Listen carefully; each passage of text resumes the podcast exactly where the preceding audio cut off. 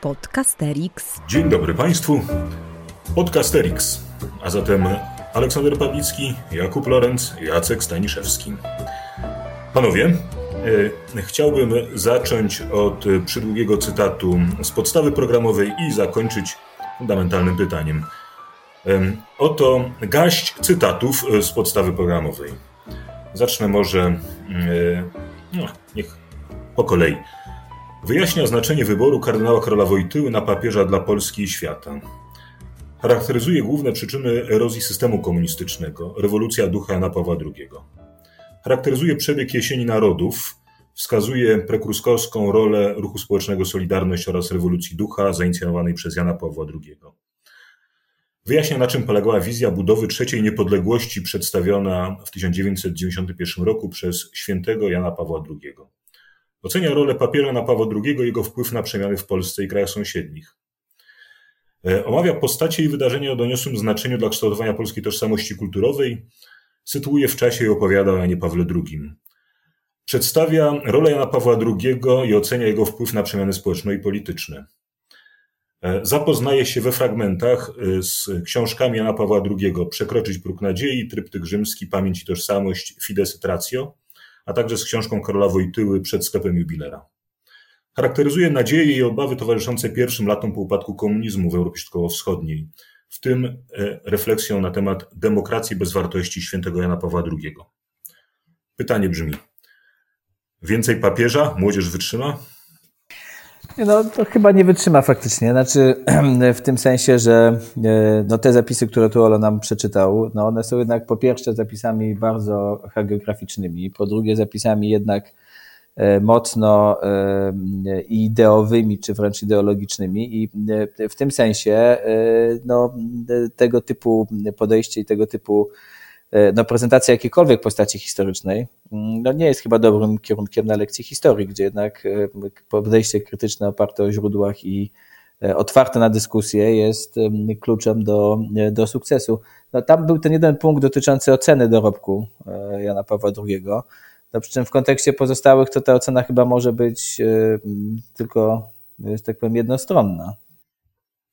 No więc to mamy w takim razie kłopot, bo w takim razie zobaczcie, z jednej strony, jak y, Kuba konstatuje, powinniśmy postawić pomnik i rzeczywiście istnieje, jak sądzę, tego rodzaju silna pokusa tworzenia hagiografii. Zresztą y, fakt, że Jan Paweł II w podstawie programowej występuje prawie zawsze, choć nie do końca konsekwentnie, ale prawie zawsze jako święty Jan Paweł II, y, jest też zachętą do uprawiania, być może, być może zachętą do uprawiania hagiografii. Z drugiej strony, e, w tym samym czasie, w którym nauczyciele mają stawiać pomniki, nasi uczniowie e, produkują memy z papieżem. E, to jest, jak wiecie, jedna z najbardziej memicznych w tej chwili postaci, co, co w ogóle mnie nie cieszy, ale sprawdzam, znaczy jakby stwierdzam fakt, tak, to znaczy, że, że liczba memów z Janem Pawłem II obśmiewających tę postać jest moim zdaniem wielokrotnie większa niż liczba pomników Jana Pawła II, a liczba pomników Jana Pawła II, jak wiecie, przekroczyła już wszelką miarę. No i gdybyśmy teraz chcieli uciec od tego i chcielibyście mi powiedzieć, no na szczęście jesteśmy historykami, a jako historycy możemy się do tego zdystansować, przeanalizować źródła i powiedzieć, jak było naprawdę i że hagiografia się nie trzyma kupy, ale z drugiej strony, że wyśmiewanie tej postaci mm, nie jest z rozmaitych pomysłów, powodów dobrym pomysłem, to jeżeli tak mi powiecie, to ja wam powiem, no kłopot polega na tym, że na naszych oczach pojawiają się kolejne źródła, tak, kolejne źródła dotyczące pontyfikatu Jana Pawła II, które sprawiają, że odniesienie się do tego pontyfikatu i do tej osoby jest bardzo, bardzo trudne, bo wyobrażam sobie, że dla nas jako historyków na przykład nieco inaczej wyglądałaby narracja Janie Pawle II E, przed raportem dotyczącym kardynała McCarricka i inaczej po ogłoszeniu tego raportu. A zatem mm, co choć, robić? A ja, przecież, ja, jak widać z moich cytatów, nie unikniemy bo, takich lekcji. Bo, bo ja, myślę, że, lekcji. ja myślę, że ten dylemat, e, znaczy, że kolejne materiały jednak, takie mam wrażenie, nie, e, no nie dostarczają aż tak znacząco różnych e, z perspektywy szkoły i ucznia materiałów, żeby to jakkolwiek, e, znaczy jak w jakiś istotny sposób wpływało. Takie mam wrażenie, że to jest jednak ciągle dyskusja dotycząca oceny Jana Pawła II, która jest dyskusją jednak w Polsce po pierwsze dość mocno zakneblowaną, po drugie jednak ograniczoną do tych osób, które śledzą, starają się śledzić to na bieżąco i w tym sensie w niewielkim stopniu przenika to do świata uczniowskiego, w którym właśnie Jan Paweł II jest osobą z memu, bohaterem popkultury. I słuchajcie, no jedno z pierwszych pytań, które dostałem w mojej nowej klasie wychowawczej, które było, jak rozumiem, jednym z pytań sprawdzających, czy jestem w miarę ok, było, czy wiem, co się wydarzyło o 21.37. Jak powiedziałem, że wiem, to dostrzegłem y, szacun y, w, w, w, oczach moich uczniów. Więc faktycznie też bym bolewał nad tą memicznością y, Jana Pawła II, ale z drugiej strony trochę myślę sobie, że jest to też nie wiem czy zdrowa, pewnie, pewnie nie, no nie wiem czy zdrowa to jest dobre określenie, ale jakaś uzasadniona e, reakcja właśnie na tą wszechobecną hagiografię dotyczącą tej postaci, z którą uczniowie mają do czynienia, no nie tylko w, w podręcznikach, tak, których jedni czytają mniej, drudzy bardziej uważnie, ale też w przestrzeni, e, w przestrzeni publicznej. E, ja, gdybym miał odpowiadać na to No ja chcę powiedzieć, że gdybym miał odpowiadać na to pytanie Olka, co, co z tym faktem zrobić, e, e, no to powiedziałbym, że jednak zostać w, na w miarę neutralnej narracji dotyczącej tego, jaką rolę Jan Paweł II odegrał w okresie PRL-u i dlaczego jego pierwsza dlaczego w ogóle wybór papieża e, był istotny z perspektywy polskiej, jak przyczynił się do nastrojów, zmiany nastrojów panujących wśród społeczeństwa polskiego jaki był wkład papieża w Jana Pawła II e, w, w, w sytuację międzynarodową e, w latach 80. i jaki, jak można oceniać. E, to jest w ogóle świetna postać do tego, żeby zważyć wpływ jednostki na upadek komunizmu i czy możemy mówić, że dzięki papieżowi upadł komunizm, czy to jest nadużycie. Ale właśnie na tym poziomie bym pozostał, a dalej raczej. No dobrze, ale to jest troszeczkę wbrew temu, co, co, co, o czym dużo tutaj mówimy, E, to znaczy o tym, żeby jednak cały czas odnosić e, historię, e, której uczymy, do teraźniejszości, do czasów współczesnych. I nagle dostajemy, i tak trochę się samo, to rozumiem, Kuba, tak samo się chcesz zakneblować, żeby nie wychodzić na E, niepewne e, wody współczesnej dyskusji, bo z jednej strony to nie jest trochę tak, że w Polsce się o tym nie mówi, bo z jednej strony mamy raporty, o których mówił Olek, ale z drugiej strony mamy teraz nową książkę, chyba Bielmo się nazywa, w której e, no, znowu ten, ten temat tego, o czym wiedział Jan Paweł II, a o czym nie wiedział, jest dosyć mocno przebadane. I pytanie jest, słuchajcie, takie, czy my możemy teraz tchórzyć? E, i y, gdzieś tam się zasłaniać tym, że będziemy mówili o Janie Pawle tylko w momencie, kiedy on tam został papieżem, przybył po raz pierwszy, odmienił, czy chciał odmienić oblicze Ziemi i, i potem pojechał i te wszystkie rzeczy, które już się stały w roku 89 trochę nas nie interesują. No z jednej strony mamy hit, mamy tą trzecią niepodległość, o której wspominał, czy, czy o której czytał Olek, czytając podstawę programową, Y, więc chyba nie możemy sobie y, już teraz tak y, mówić, że cezurą jest 89. Poza tym ja bym chyba nie chciał rozmawiać już o Janie Pawle II tylko i, tylko i, w, tylko i no właśnie w takim wymiarze historii z, z ubiegłego wieku. Więc ja bym chyba jednak się podjął rozmawiania, bo jednak, jednak z tą memicznością chciałbym walczyć, ale też chciałbym walczyć z hagiografią. No nie, mo, nie, nie można jakby zostawiać im teraz wyboru, która perspektywa jest fajniejsza, ta, którą pokażemy na, na, na lekcjach, czy ta memiczna. Jest jeszcze jedna rzecz, myślę, o której trzeba wspomnieć, choćby na moment, to znaczy taka, że ja nie wiem, może się do czegoś złego przyjmę, ale ja nie wiem, ile razy ja wspominałem o Janie Pawle II na moich lekcjach, dlatego że Jan Paweł II ma to nieszczęście, że żyje pod sam koniec XX wieku i, i na początku XXI, a y, do tych czasów bardzo rzadko można na lekcjach historii dojść. Ja nie wspominam na razie o hicie, bo na razie i to jest, to jest no tak. ogromny problem, że Właśnie. tutaj po prostu niektórzy z nas dla niektórych z nas to w ogóle nie jest problem i pewnie nomen omen dzięki Bogu, bo nie musimy tym trudnym tematem się zajmować. Podcasterix. To, co Kuba proponowałeś, to jak rozumiem, był taki wątek związany ze wzmocnieniem takiej opowieści dotyczącej historii powszechnej, właśnie e, Jan Paweł II e, i upadek komunizmu.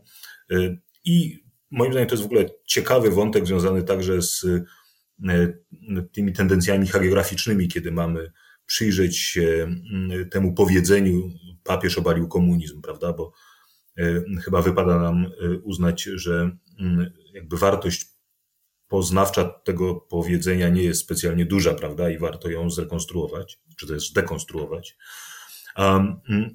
Jest ten bardzo interesujący wątek, który nam też teraz y, Jacek podrzuca. To znaczy, no, hit wprowadza papieża y, w opowieść w latach 90. i y, wprowadza nam tego papieża przede wszystkim przez pryzmat pielgrzymki z 91 roku.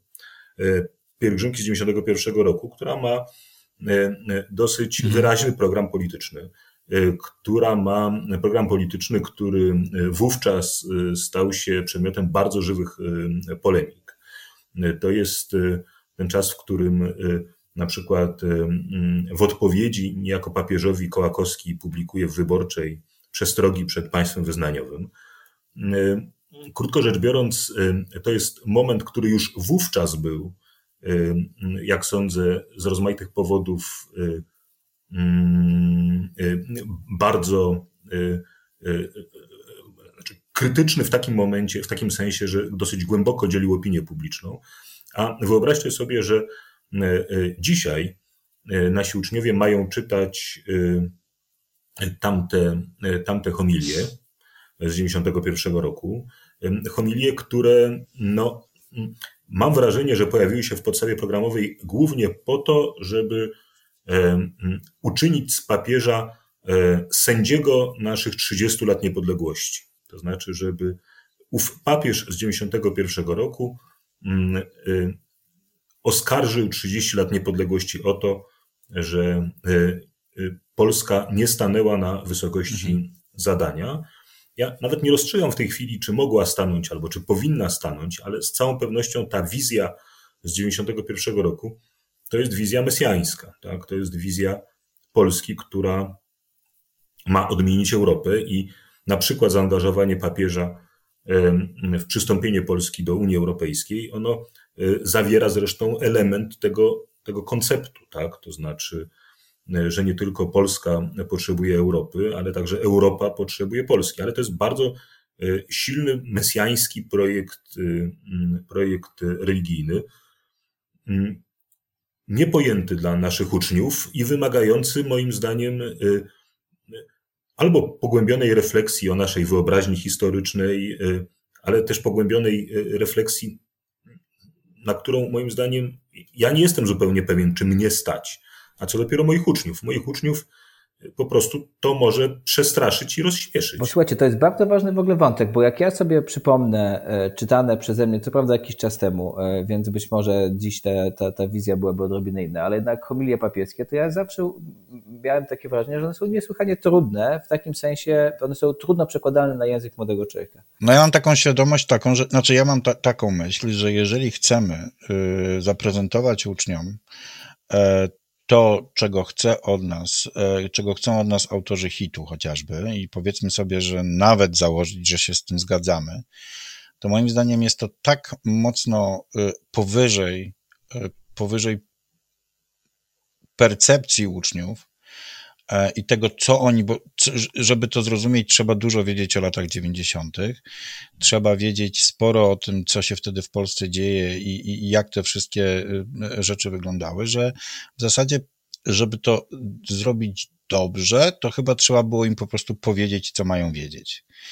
E, no a żeby to powiedzieć, trzeba mieć jakieś swoje przekonania, no albo przeczytać to z e, jakiegoś podręcznika. Tego się po prostu nie da zrobić. Znaczy, rola papieża e, Polaka, jeżeli tak ma być przedstawiana, to jest kwestia no, zbyt wydaje mi dla 95% nas, historyk, nauczycieli historii w Polsce, za trudna. I my tego nie zrobimy. Więc jeżeli to zrobimy, to zrobimy tylko i wyłącznie czytając to, co mamy powiedzieć. mm, a powtórzę, większość z nas chyba w ogóle nie chce tego robić i zostawić to, y, nie wiem, rodzicom, kościołowi, komukolwiek innemu, kto się tego podejmie, ponieważ nie chcemy się bawić w politykę.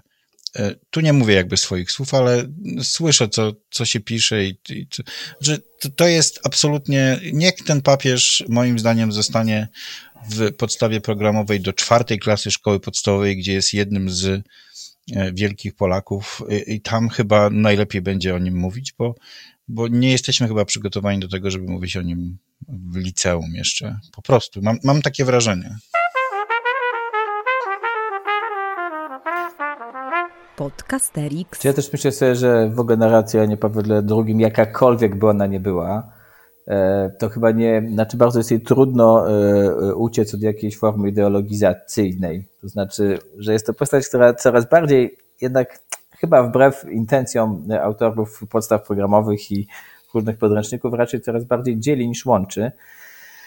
A że jest to, że jest to postać, którą dzieli niewielki czas i wiele osób bardzo dobrze pamięta Jana Pawła II i też różne reakcje społeczne, które mm, E, które z jego postacią się wiązały, e, no to zarówno narracja hagiograficzna może budzić bardzo duży przeciw wśród niektórych e, i uczniów, i przede wszystkim ich rodziców, jak i narracja demaskująca e, albo e, krytyczna również może być bardzo negatywnie, e, negatywnie odbierana. I mówię to nie po to, żeby jakby usprawiedliwiać się, dlaczego z wielką niechęcią prowadziłbym lekcję Janie Pawle II i żeby się usprawiedliwiać, dlaczego uważam, że ta ucieczka w tym wypadku jest dobra, tylko raczej po to, żeby zobaczyć, jaka, z jaką trudnością my jako nauczyciele historii uczący Janie Pawle II się możemy, możemy spotkać. I ktoś oczywiście mógłby powiedzieć, że postaci kontrowersyjnych w naszej historii e, jest coraz więcej. E, e, I,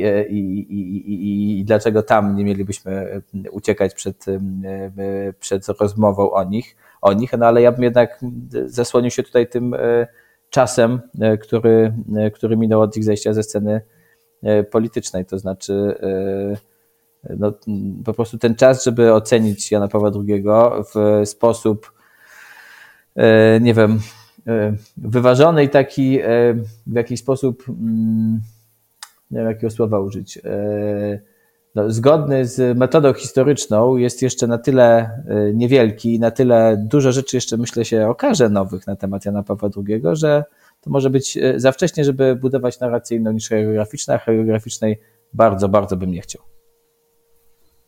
No, kiedy, kiedy słucham tego, co mówicie, to myślę sobie jeszcze o trzech rzeczach. Po pierwsze, kiedy, kiedy raz po raz przypominam o tej hagiografii, to przypomina mi się takie e, mm, spostrzeżenie, które e, gdzieś zrobił e, profesor Michał Łuczewski, który zadał sobie taki trud, żeby zobaczyć, czy w pierwszych relacjach ludzi, którzy notowali na przykład na bieżąco w swoich dziennikach spostrzeżenia z owej mszy na Placu Zwycięstwa w 1979 roku, czy gdzieś tam pojawiają się jakieś fragmenty dotyczące tych słów, które zamykają tę homilię, to znaczy niech stąpi duch Twój i odnowi ziemię tę ziemię.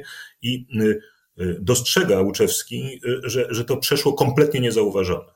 To znaczy, że to nie była wypowiedź, która w 1979 roku poruszyła kogoś. Innymi słowy, że to, że dzisiaj y, to jest jedna z tych wypowiedzi, które powracają na 150 sposobów i stają się symbolem 79 roku, to byłby y, niepokojący przykład tego, w jaki sposób mm, y, opowieść, opowieść o, o historii zmienia się i pamięć wydarzeń zmienia się w miarę jak czas płynie i w miarę jak pojawiają się zapotrzebowania na taką, a nie inną historię. I ponieważ y, nie jestem zupełnie pewien, czy stać mnie przed zajęciami z historii, żeby ten no, niesłychanie bogaty życiorys przestudiować dokładnie i obejrzeć wszystkie nagrania ze wszystkich, y, ze wszystkich e, pielgrzymek, to stawiam sobie pytanie, y, na kim mogę polegać, żeby nie obawiać się, że ulegam jakiejś mistyfikacji, relacjonując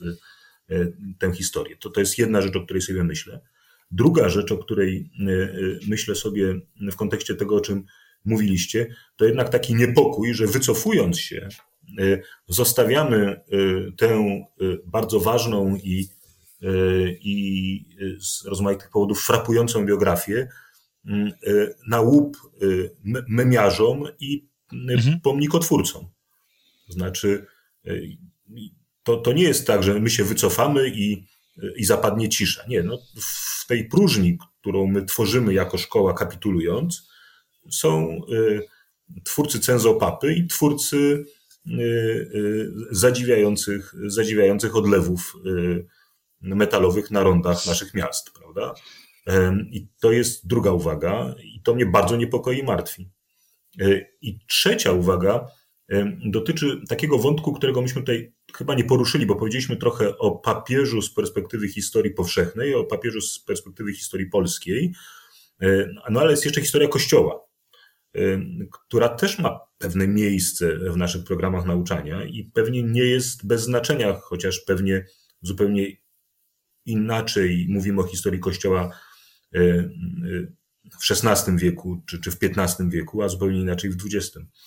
Natomiast to mi nasuwa taką myśl, że może warto też nieco znaleźć miejsca na pokazanie tej postaci z perspektywy historii Kościoła i wtedy Mm, zwróćcie uwagę, pojawia się inne, inne ciekawe źródło, bo Jacek mówiłeś o tym, że te teksty kazań są po prostu też bardzo trudne niekiedy w lekturze, ale Jan Paweł II to jest też papież rozmaitych gestów. E, I w tym sensie on jest w jakimś sensie bliski naszym uczniom, e, którzy w tym e, medialnym czy zmediatyzowanym świecie czytają rozmaite gesty. I myślę sobie, że takie gesty jak te, które towarzyszyły, nie wiem, wizytom w rzymskiej synagodze czy wspólnej modlitwie w Asyżu, to, to są gesty bardzo ciekawe do interpretacji i nie gubiłbym ich, fiksując się na bzdetach z podstawy programowej, a mianowicie na, mm, na tym, żeby zrobić z Jana Pawła II bicz na trzecią Rzeczpospolitą. To dziękujemy bardzo w imieniu moich kolegów Olka Pawlickiego, Kuby Lorenza, Jacek Staniszewski. Państwu macha ręką i widzimy, nie, słyszymy się za tydzień. Mam nadzieję z tematem równie ciekawym głębokim jak ten. Do usłyszenia. Do usłyszenia. Do usłyszenia. To był Podcasterix. Wysłuchali Państwo kolejnego odcinka podcastu Trzech Nauczycieli Historii, którzy lubią sobie pogadać o swojej pracy, bo ją po prostu uwielbiają. Tych trzech jegomości to Kuba z charakterystycznym R, Olek z charakterystycznym głosem i Jacek, który czuwał nad nagraniem i montażem. Podcast przygotowano dzięki wsparciu Szkoły Edukacji Polsko-Amerykańskiej Fundacji Wolności i Uniwersytetu Warszawskiego, w której cała trójka pracuje. Więcej informacji na stronie szkolaedukacji.pl. W czołówce wykorzystano dźwięki na wolnych licencjach, a głosu użyczyłam ja, czyli Adriana Bąkowska. Zapraszamy na kolejny odcinek.